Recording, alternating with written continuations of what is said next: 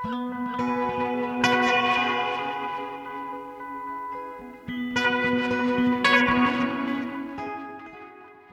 og sæl, kæru hlustendur, Jóhannes Ólafsson og Halla Harðardóttir hels ykkur hérna úr hljóðstofi Viðsjár miðvíkudaginn 27. april. Og í þessum þætti svipmynd af nýjum rektor Listaháskóla Íslands og tilefningar til mæstjörnunar. Kristín Eisteinsdóttir hefur verið ráðin nýr rektor Listaháskóla Íslands. Kristín tekur við að Fríðubjörg Yngvarsdóttur sem að líkur sinni tíu ára tíð við skólan og mun hefja störf þann 1. ágúst. Kristín er ráðan til 5 ára með möguleika á enduráðningu til annara 5 ára og það sóttu alls 20 manns um þessu stöðu. Kristín er auðvitað þjóðkunn kona eftir stuttan tónlistarferil fór hún í nám í dramaturgju til Árása. Tók svo meistragráðu í leikstjórn í London og starfaði um árabil sem fastráðin leikstjóri við Borgarleikúsið. Hún tók við starfi Borgarleikússtjóra 2014 og stýrði leikúsinu við góðan orstýr, síningar, slóu aðsóknar met og sópuðu til sín verlunum. En hún leta af störfum þar 2020 áður en hennar öðru tímabili þar laug til að einbytta sér að öðrum verkefnum. Hún var ráðinn profesor og fagstjóri við Sviðslistadild Listaháskóla Íslands í ágúst í fyrra og hefur nú verið ráðinn rektor skólans. Við ætlum að kynnast Kristínu betur í þætti dagsins, fá að heyra af hennar leið í lífinu og listinni, fá að vita af hverju hún sóttu um stöðurektors og hver hennar sína á skapandi greinar eru. Og svo fáum við hann auðvitað til að setja nokkur lög á fónin, en við ætlum að hefja þáttinn á því að heyra af ljóðum. Já, Mæstjarnan, ljóðavellun, eru veitt af Ríðtöfundasambandi Íslands og Landsbókasafni Íslands, Háskóla bókasafni, í mæ ár hvert Velunin eru einu velunin á Íslandi sem engungu eru veitt fyrir útgefna íslenska ljóðabók. Tilkynnt varum tilnefningarnar í Gunnarshúsinu fyrir skemstu og sex ljóðabækur eru tilnefndar af hátt í 90 ljóðabókum sem gefnar voru út á síðasta ári. Ljóðabóka útgáðan greinlega sprellefandi og fjörleg og í domnefn þetta árið voru það Arnór Ingi Hjartarsson og Emma Björk Hjálmarstóttir. Já og ef við rennum þá yfir listan Þær bækur sem að tilnæmdar eru til mæstjörnunar þetta árið eru Skurn eftir Ardísi Lóu Magnúsdóttur, Sjófuglin eftir Egil Ólafsson, Urta eftir Gerði Kristníu, Plómur eftir Sunnudís Másdóttur, Máltaka á stríðstímum eftir Natasju S. og Allt sem rennur eftir Bergþóru Snæbjörnsdóttur. Þetta er flottu listi og uh, velunin verða tilkynnt eftir umðabil mánuð og hafend miðugudaginn 2004. mæ klukkan 16 í þjóðarbókluðinni. Við óskum ljóðskaldunum til hamingi, þetta er flottu listi að vera á, en við ætlum næsta að taka á móti Kristínu Eisteinsdóttur, nýránum rektor Listaháskóla Íslands og hún setur fyrsta lagið á fónin.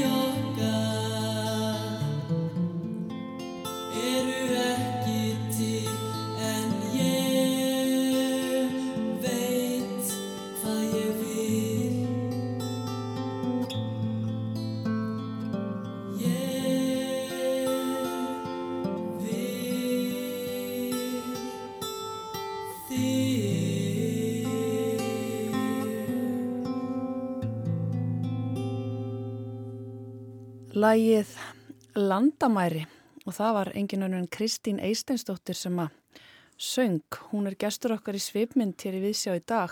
Verður velkomin. Takk fyrir.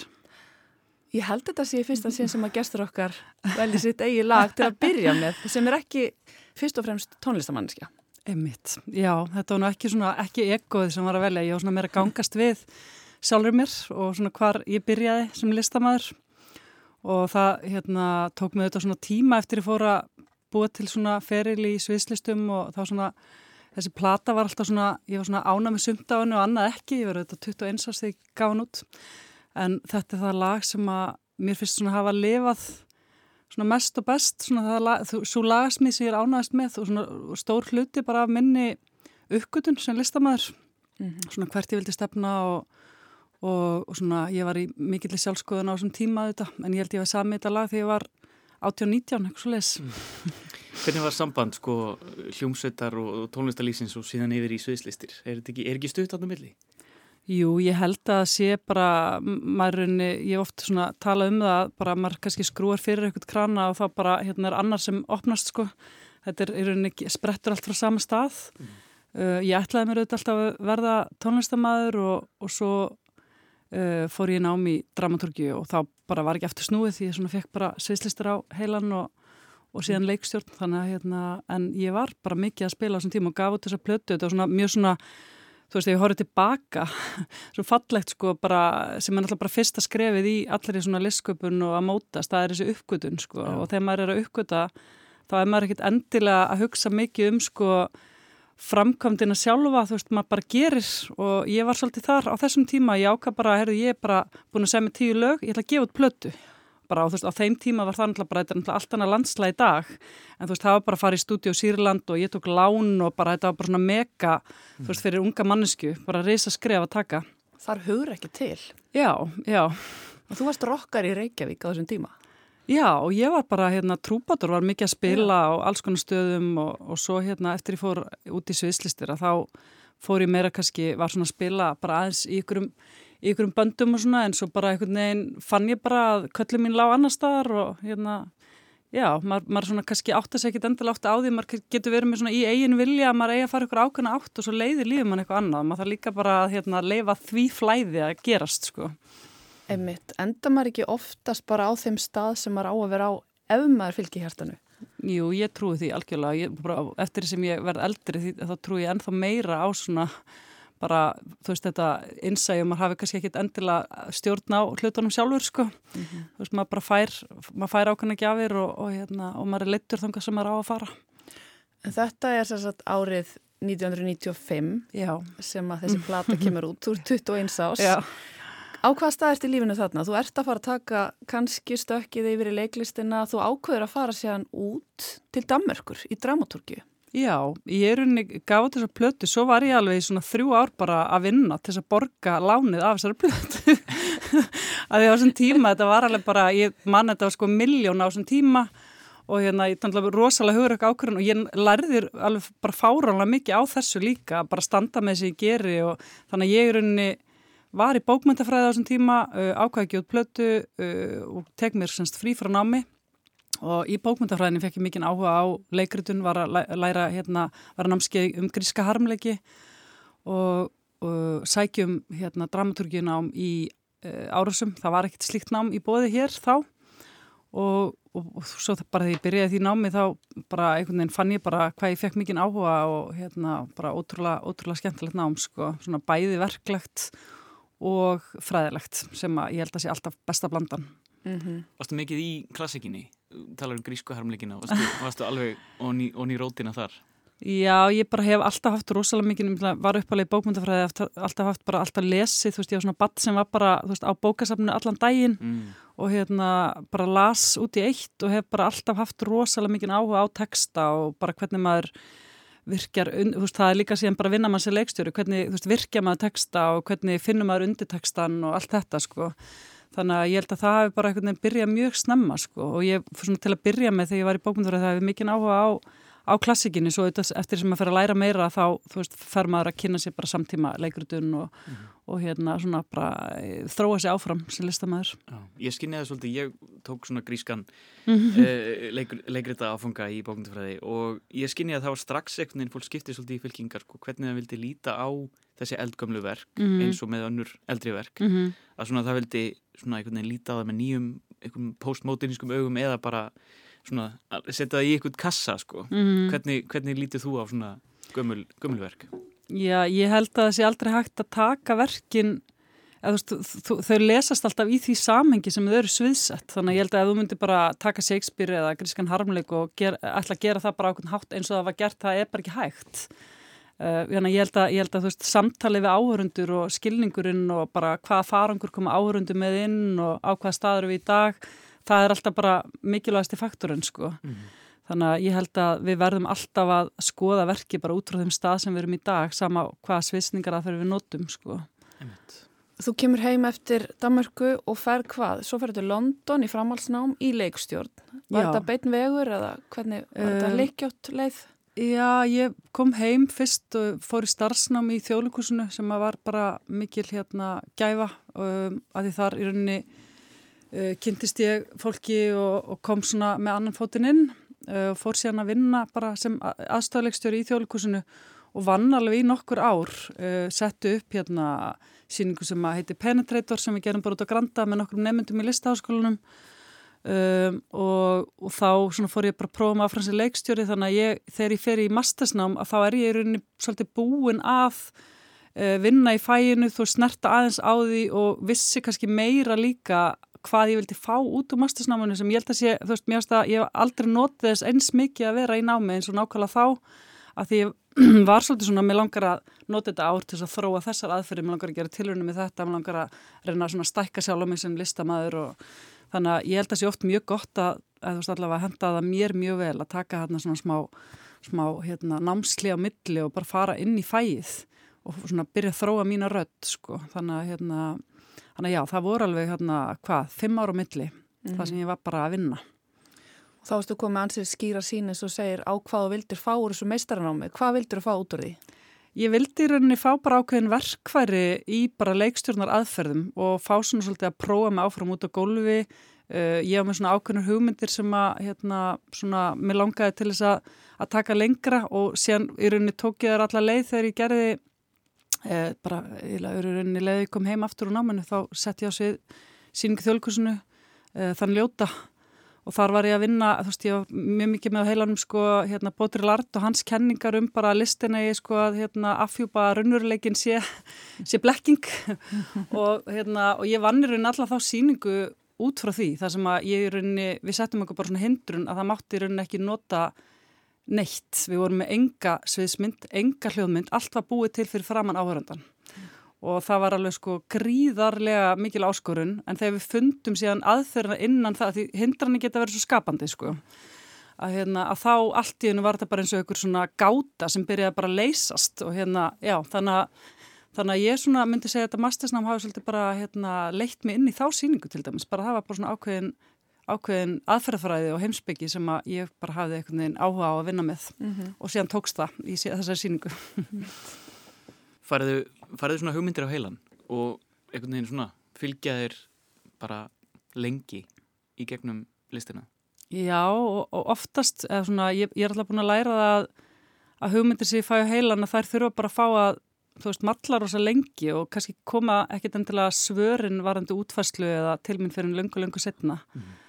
Um, ég er með rosalega greinandi huga og það getur alveg stundu þvælst fyrir mér þannig að ég, ég þurft að læ, læra það bara í gegnum Um, bara að gera hluti að ég þarf líka sko að ná að vera í flæði og fylgja einsæðinu þetta er alveg bara mjög áhugaverð blanda þú veist, ég hef tendist að staka mikla ábyrð og vera mjög greinandi. En svo þegar maður er að finna þennan ballans á milli að þá held ég að, eð, veist, ég held að það séu mjög góð element mm. saman sko, en það tók mér langan tíma að finna þennan ballans sko mm -hmm. bara hérna til þess að geta verið einhvern veginn bara í, þú veist, í einsæðinu en á sama tíma greinandi sko mm -hmm.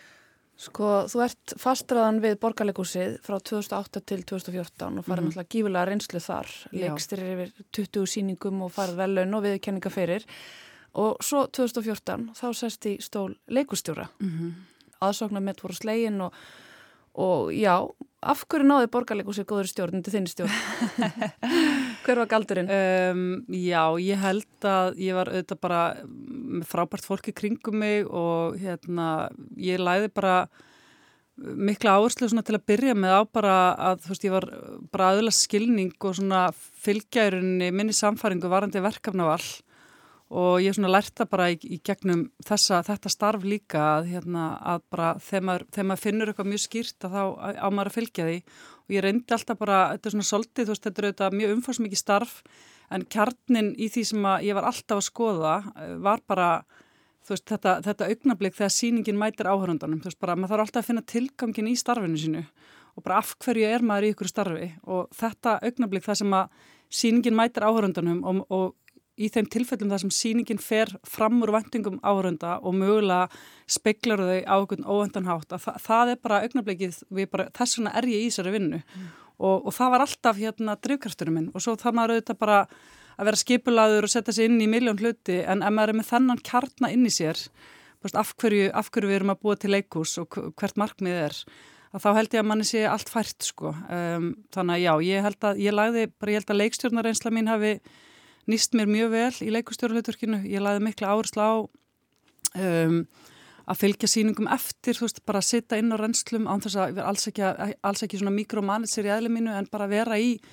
kreatífum díalóg við leikstjórun á listaranstjórnundur og reyna svona bara að búa til öryggi og tröst til þess að styðja við að síningarnar nái alla leið. Og það er ofta alveg rosalegt kaplöp á loka metranum, maður er kannski þú veist, að horfa á reynsli tveimu vikum fyrir frumsýningu og það er bara, þú veist, átta klukkutímar og maður bara hvernig eigum við að komast í gegnum þetta, skilur mm.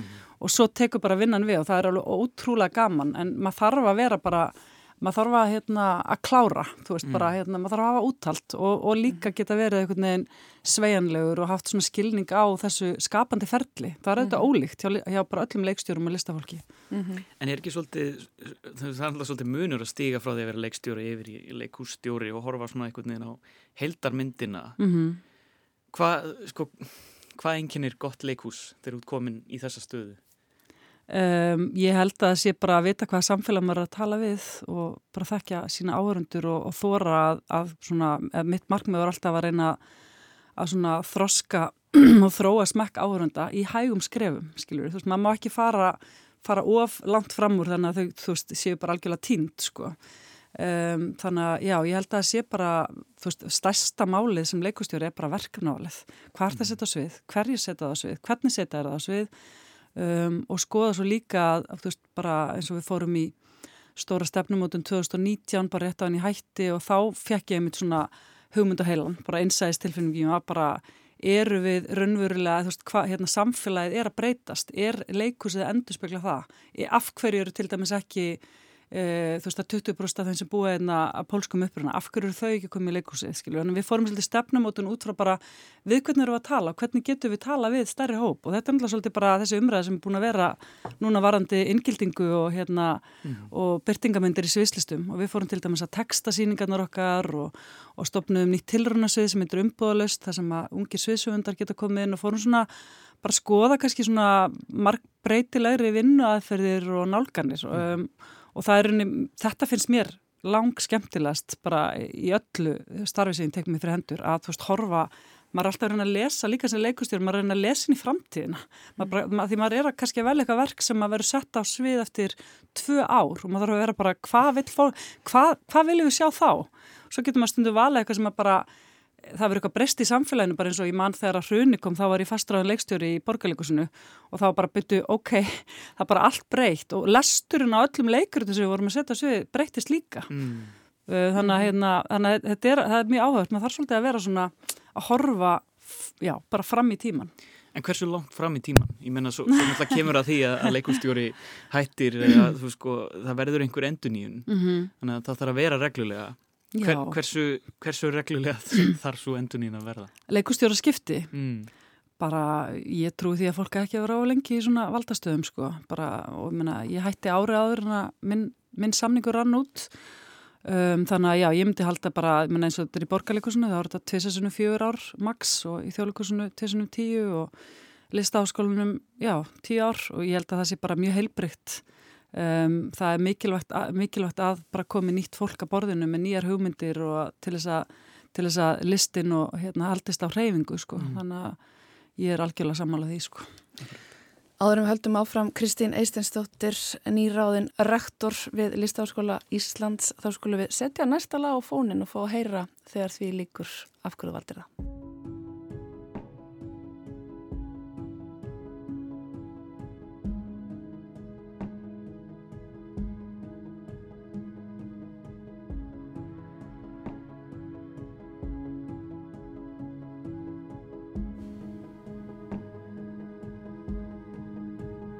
Ég ber stein í þessu stríði, það breytir ekkert því að sól vermir heiði og kirkjubjöllur ringja á sunnu degi og fá mig til að stoppa eitt egna blik í friði.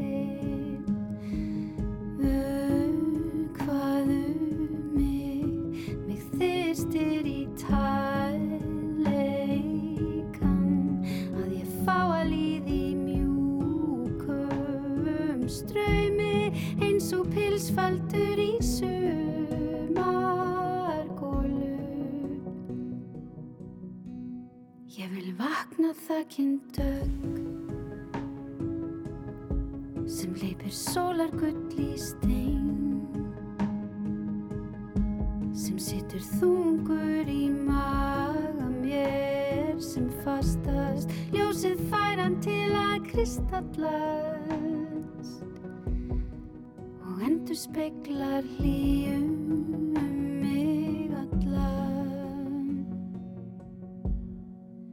Inn í fingur góma.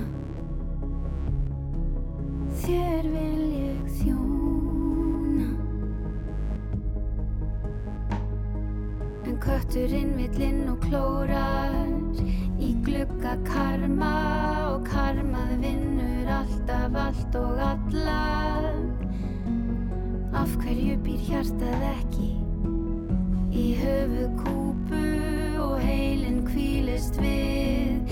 Sefandi lungu þá myndir egna yfir heilan ástar hjúpur og kæla þetta sviðna hugar ángur og ég vil að þú vitir að hefði ég haft vitið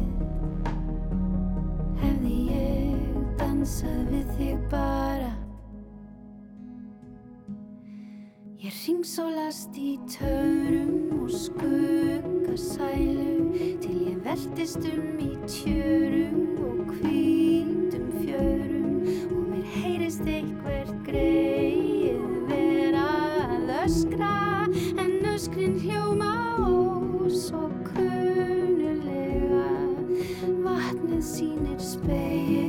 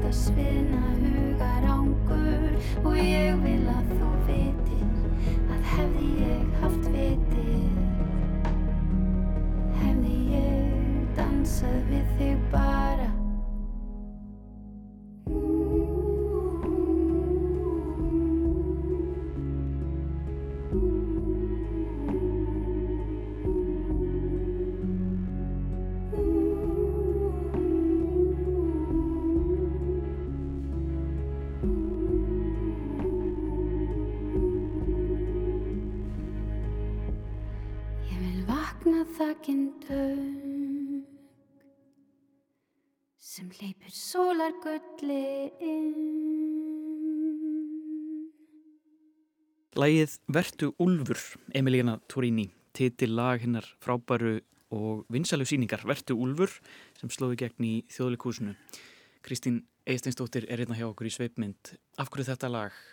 Um, minnst sko bara margar ástæður þetta er stórkoslega lag og ég, ég held að þetta sé ég samt, e- er ekki 100% viss en ég hef allavega ekki heyrt sko texta eftir Emilíunu mikið áður á íslensku. Og þessi, ég er mikil textamannskja og mér finnst þessi texti bara, ég er búin að hlusta svo mikið á þetta lag undanfæra ár, bara endalust og það er bara svo mikil undirteksti og svona ákveðin svona þetta er svolítið svona einhvern veginn að þú veist gangast við sjálfum sér og svona það er svona bara svo mikið innsæi í þessu hérna, í þessum texta. Og svo auðvitað tengist þetta leikusinu og bara þessari síningu sem er bara með mjög svona mikilvægt samfélagslegt málefni og, og bara þú veist einleikur bara á stóra siðinu sem er alltaf mjög svona hugrak ákvörðun og, og listafólk sem ég þykki mjög væntum sem ég unni mikið með sem sagt þessi síningu svið Um, já, svo hefur þetta lag bara fyllt mér svolítið svona undanfæri ár. Ég er svona, bara þetta lag sem bara ég hef veginn fæ ekki leið á sko. Ég get hlusta á það nánast í hvaða kringustæðin sem er. Mm -hmm. Kristín, þú hættir í borgarleikusinu fyrir hvað, tveimur árum rúmum, 2020 Já, áður en að tímabilinu laug já, til að einbytta þar að fjölskyldinni Mhm. og kvikmyndagerð. Já. Segja okkur aðeins frá því skrefi. Já, um, já, ég um, átti þarna ár eftir 2020 og var svona einmitt búin að finna það í ákveðin tíma að mér langaði mögulega að bara svona endurfæðast aðeins, endur nýja mig sem listamann og, og, og ákvaða að stíga þetta skref, eins og ég talaði um áðan að þá trúiði líka að það sé mikilvægt að hleypa, ný, hleypa nýju fólki að og að maður hafi svona hör ekki til þess að taka svona ákvarðanir, maður sé ekki endilega svona að hanga ykkur valdastöðu bara því maður getur það. Og já og svo kom hann að tækifæri upp í hendunar á mér varðandi bíómynd og, og hérna og ég á þetta tvo indisla drengi og langaði líka að eða meiri tíma með þeim og ég fann bara í innsæðinu mínu að þetta var rétti tímin og hérna og svo þetta bara, ég kláraði nýju líf með þeim, 13. við vorum bara eiga frumsýna, fyrstu daginn 13. mars bara, ég var bara, já, ég er ekki tjátrúafull, svo bara lokaði leikursu tveimtöfum síðar, ég er ekki að segja að COVID hafi komið út af þessu, en þetta var svona þessi atbærrás var alveg rosalega sérstök, sko, og hérna þannig að þú veist, ég hætti 13. mars og leikursi lokaði tveimundum síðar þetta, og ég veit, ég hefði aldrei ákveðið að yfirgefa leikursið ef að COVID hefði verið komið, að því þú veist, það er bara svona svo skipstjóri sem að mm -hmm. fer þegar allt er svona komið í óefni, þannig að, þannig að þetta var einhvern veginn, þarna var þetta bara rétt sko og bara, hérna, Brynildur auðvitað fekk þetta í fangið og og listi það ótrúlega vel en, og ég held að það hefur líka bara verið mjög gott að fá manneskinn með mikla orku og mm -hmm. til þess að takast á við e, kringustæðir sem hefur aldrei komið upp áður í leikusinu. En ég meina þetta er náttúrulega ekki óöfni fyrir nýju lífsýninguna, hún er ennþá í síningu þreymur ára setna já. og það er nóg eftir, mm -hmm. veist, að, þetta er síning sem mun fara sko öruglega slá, slá ykkur, ykkur met. Já, ég held hún stefni það sko, Vi, við slóum meti með mamma mía, svo sló Elli það já. og nú stefnir við að, að nýju líf sláði það semst, hérna, að svona með leikfélags Reykjavíkur, hann er alveg 120 já. ára saga þannig að það er alveg risa dæmi sko hérna, En uh, þið langaði líka að uh, fara að virkja draumin um kvikmyndagerð. Já, já ég, Þegar hann blundaði lengi. Uh, Já, ég hafiði sko meðan ég var leikustjóri þá bauðs með verkefni og bara sem ég gæti ekki alveg tekið að mér út af bara umfangi starfsins. Og Svo hafði ég verið að hugsa þetta í langa tíma og fer síðan bara af stað sagt, að vinna efni, eða þess að hugmyndi mín var að vinna efni upp úr ákveðinni bók, síðan kemur COVID og mér fyrir bara, ég er að lesa alls konar bækur á þessum tíma og fer að, fer að dreyma bara aðra bók og, hérna, og, og ákveðum síðan að fylgja innsæðinu þar og, hérna, og skipti um kurs bara mjög fljóðlega og fer að skrifa upp úr bók eftir Braga Pál Ólaf hérna, Sigursson sem að, hérna, heitir Östur sem er fyrsta skálsaganans og uh, er bara í rauninni, já, komin bara mjög langt, ég bara semst, uh, fór ekki nú þrjá handrættastyrki á tveimur árum og núna erum við bara að fara, þessast framleyslu fyrirtæki, uh, sagafilm sem framleiðir, er að fara að sækjum framleyslu styrkin, þannig að ég er rauninni að verða búin með mitt í byli, þú veist, svo bara er tekur fjármagninu við, hún getur auðvitað að tekið alveg langa tíma í fyrstu mynd leikstjóra. Mm -hmm. Kvikmyndi fullur lengt. Kvikmyndi fullur lengt, já. Mm -hmm. Þú komst einmitt hérna askvaðandi inn í morgun hérna með svo miklar gleði fréttir að því að það er ungi íslensk kona sem er einmitt í Lístaháskóla Ísland sem var að fá tilnefning á kann. Já. Þetta er ansi merkilegt. Já, þetta er bara, þetta er unni ótrúlegt afreg. Um, ég veit að þetta er bara, er, ég held að séu 45.000 stuttmyndir sem eru sendar inn á 11 valdar og hún er nemi við listaháskólan sem er auðvitað bara mikið stolt og gleði og ég veit að hún leikstýrir skrifar og leikur í myndinni þannig að já, bara þetta er alveg sko, það er held ég ekkert erfiðara heldur hún að komast inn og kann Þú ert mhm. ekki byrjuð sem rektor ertu strax, ertu, ertu strax farin að finna svona ah, Ég var rosalega stolt þegar ég lasið þetta í morgun, ég hef þetta starfa við Svissluteld í dag og hún er nefandi mm. þar en bara sem tilvonandi rektor þá bara gleður þetta með óendela Akkurat mm -hmm. Kannski nefna það að þessi unga kona heitir Gunnur Martinsdóttir Slúter mm. til Hamingju, til hennar. En uh, þú sést að ferði inn í listaháskólan. Já. Annað skref. Mm. Já. Hvað verður lært á þessum árum, eða þessu ári sem kennari þar? Um, ég held, sko, það sem að mér finnst sko bara ótrúlega gefandi er að vera í samskiptum við nefnendur og þessi, bara, þetta, þessi listsköpun sem á sér stað um, veist, ég trúi því einhvern veginn að að það sé ákveðin svona ringrást þar og bara sem að, sem að er samsvarandi sko listsköpunni sjálfur það sem fælst í því einhvern veginn að hlusta og geta virkjað þið sértæka í fólki.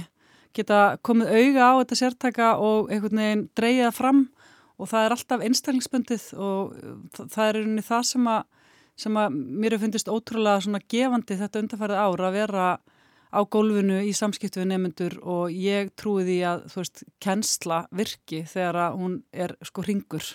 Ég læri jafn mikið af þeim og þau af mér um, og þá, þá verður þetta eitthvað svona skapandi samtala sem báðir aðelar eru að stakka hvern annan um, og það er bara alveg eins og þegar maður er að vinna í, e, sem leikstjóri eða, eða í hvaða fæi sem er held ég sko, það sem er að vinna með öðru fólki.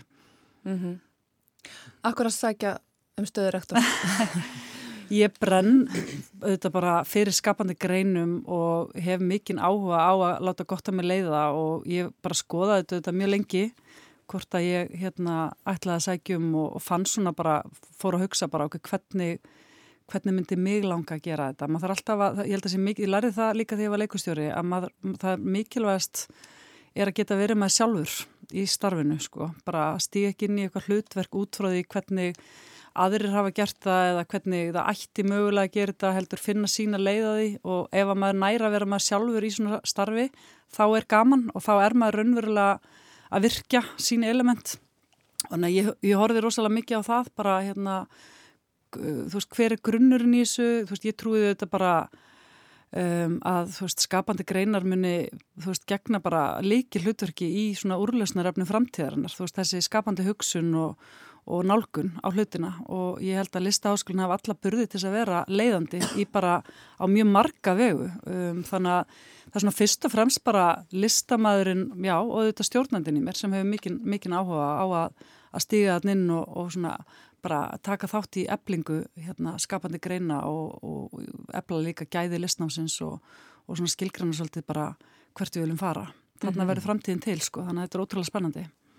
Þá er mjög freistandi að spyrja það út í gerfigreind. já, einmitt, ég var bara að hugsa það, einmitt, já.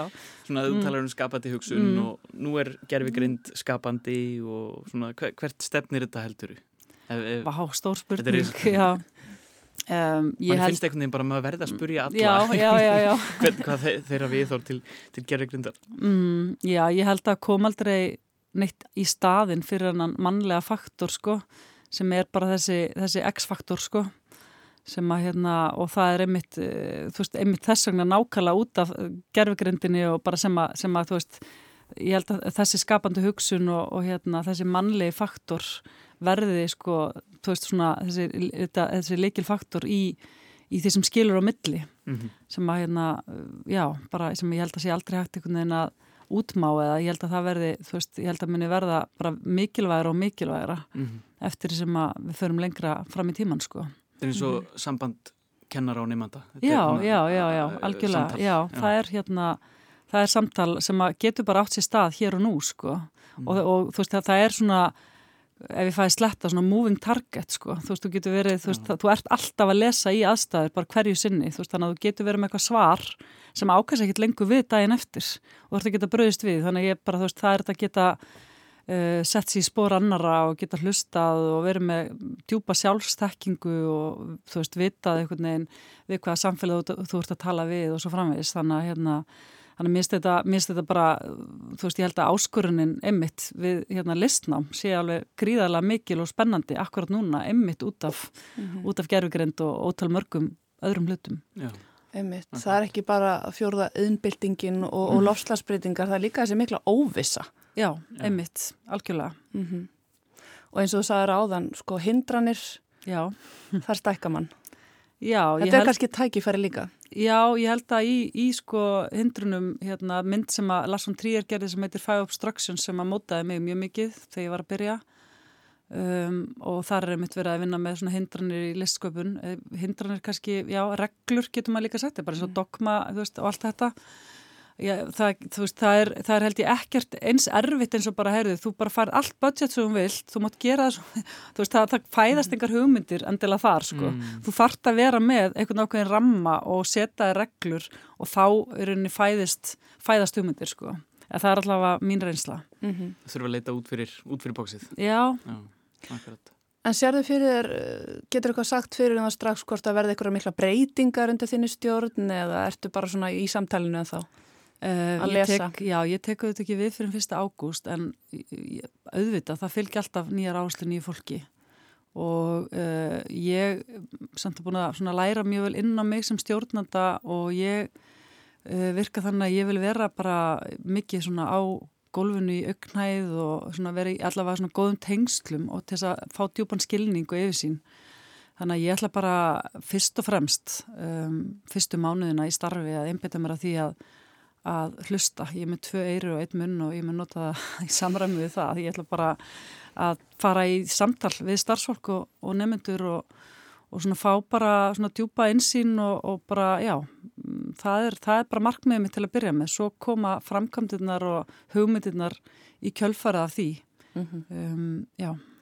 Ærið verkefni framöndan. Áður við sleppið þér Kristín, já. þá ætlum við að hérna... Brúst. Þá eru það spurningarnar sem við drítum alltaf á gæstu okkar hér Já. og af spurningalista próst þrjá hraðaspurningar Jæja, ok Já. Mm -hmm. Jóhannes, viltu ekki byrja? Um, ef þú verir dýr eða sko Ef þú væri annað dýr en maður, hvað, hvaða dýr væru? Örn held ég. Akkur? Um, bara ég vil hafa svona mikla yfirsýn, minnst gott að horfa svona yfir og, og hafa svona smá stjórn og, en samt, þú veist, helst að geta nota, nota vindin til að halda mér uppi líka og svona uh, trú á flæðið, þetta er svona þessi blanda sem ég var að tala um aðan, mm -hmm. að vera bæði svona, svona sveianlegt kontrollfrík og fljúa hátt. Sveianlegt kontrollfrík eins og örnin. Já. En um, sérðu eftir ykkur? Um, ég held, sko, það eru auðvitað hluti sem maður hefði kannski mögulega vilja að gera öðruvís en ég held að allt sem ég hef gert hafi móta mig og sér hlut bara hafi átt að fara nákvæmlega eins og það fór. Að ég hef svona svolítið, það er svona svolítið mitt, mitt motto í lífinu að ég, ég er ekki eftirsjaka hvert neinu, þú veist, og reyni að bara vinna mig frekar út úr hlutum og horfa á af hverju þeir gerðust og hvað ég get lært af þeim og þú veist ég líti á all, all svona mistök líka sem eða mistök eða reynslu sem gafir um, þannig að nei, ég, ég sé ekki eftir neinu. Uh, Hér er stór spurning uh, Hvað er hamingja? Um, sjálfstakking um, tengsl ást, nánd um, já, geta verið bara setið í sjálfum sér og ég held að maður ég er búin að fara í gegnum mikla svona sjálfskoðun og undarfærin svona tvö ár og ég held að mín uppgötun þar hafi verið svolítið svona ég er eina mannskjan sem ég þarf alltaf að vera með þannig að það er eins gott að það sé gaman Eins gott að það sé gaman Þetta eru frábær loka ár Kristín Já. Við ætlum samt að leifa að setja síðasta lægi á fónin og, uh, og hvaðum þig með því mm. Takk fyrir að vera með okkur inn í svipmynd Takk fyrir mig Morgun Sól, viltu kannski segja okkur okkur að velja þetta lag? Já, þetta er líka lag sem ég hlusta mikið á undarfærið og ég tengi af ákveðna endurfæðingu sem kannski eins og ég kom inn á aðan þannig að þetta, þessi sjálfskoðun og sjálfsþekking og mér finnst sko í þessu lægi vera mjög mikið frelsi og eitthvað svona enduníun og endurfæðing og það er svona, ég tengi það við bara staðin sem ég er á í dag. Í djúbu tjörninni á þínum augasteinum Spegla ég sjálfa mig, tek af mig ljósmyndir, reyni að skilja þig. Ég býð þér göngutúr í minna skóarjóri, löfluð alheims míns, falla trjánum úr og eru gul og brún, gul og brún.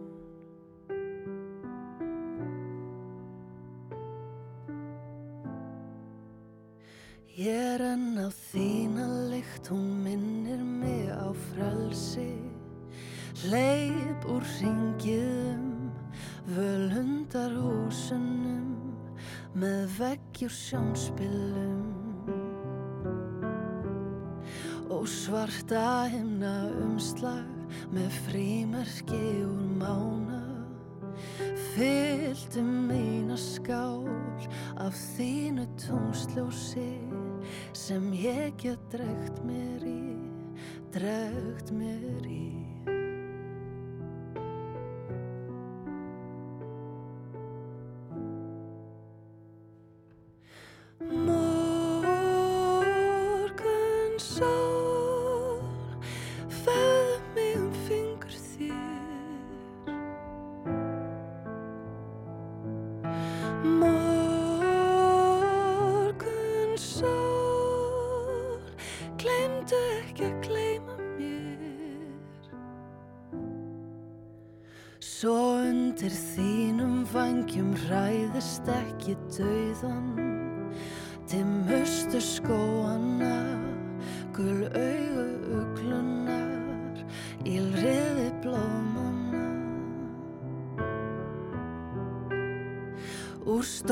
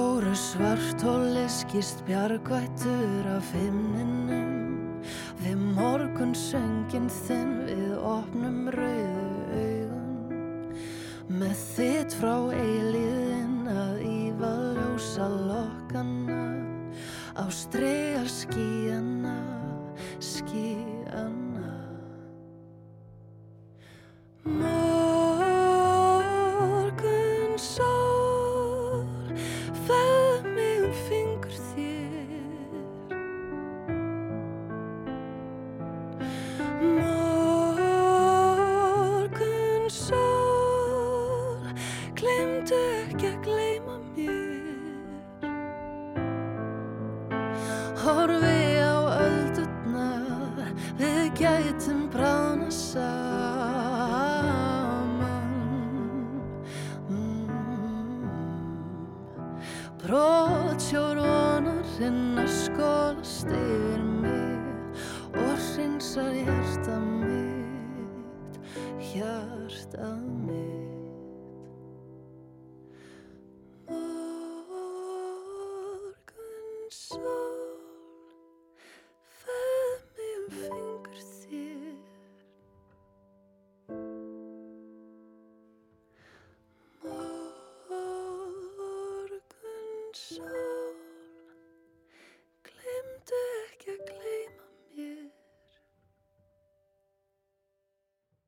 GTRN og Magnús Jóhann með lægið Morgun Sól. Það var Kristín Eisteinsdóttir leikstjóri og nýráðinn rektor Listaháskóla Íslands sem setti lægið á fónin á eftir spjalli okkar um ferilinn, lífið og listina. Já og þá er komið að lókum hjá okkur í dag. Við verðum að sjálfsögðu hér á sama tíma morgun og það stefnir í allserjar dansþátt á morgun. Íslenski dansflokkurinn fagnar 50 ára afmæla árinu og mun hefja ammælisárið með dansveislu í borgarleikusinu á laugadag. Við fáum listanstjóra flokksins, Ernu Ómarsdóttur í heimsáttel okkar og svo munum við ræða dansin og lífdansarans við tvo fyrverandi meðlemi flokksins. Og svo verður einnig dans ríni í þættinum en Nína Hjalmarsdóttir fór að sjá síningu Siggursofju til hamingju með að vera mannleg í þjóðleikusinu um liðina helgi. Það verður dansað á morgun en hér í lokin ætlum við að heyra tónlist jamaísk-ameríska Calypso Kósins Harry Belafonte sem lést í gær 96 ára aldri. Belafonte var gríðarlega vinsætlum miðja síðustu öld og breyti einna helst út vinsældir karabískrar Calypso tónlistar sem er alveg hægt að dansa við. Sannarlega, blessuð sé minning hans við hvaðum í dag með læginu Farewell to Jamaica með Harry Belafonte. Takk fyrir samfélgin í dag og verið sæl.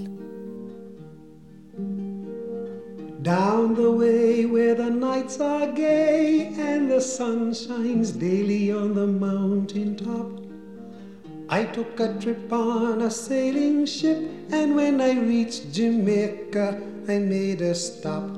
But I'm sad to say I'm on my way. Won't be back for many a day.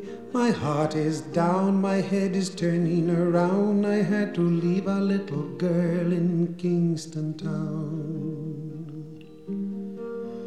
Down at the market, you can hear ladies cry out while on their heads they bear. Ackee rice, salt fish are nice and the rum is fine any time of year. But I'm sad to say I'm on my way. Won't be back for many a day. My heart is down, my head is turning around. I had to leave a little girl in Kingston town. Sounds of laughter everywhere, and the dancing girls swing to and fro. I must declare my heart is there, though I've been from Maine to Mexico. But I'm sad to say I'm on my way.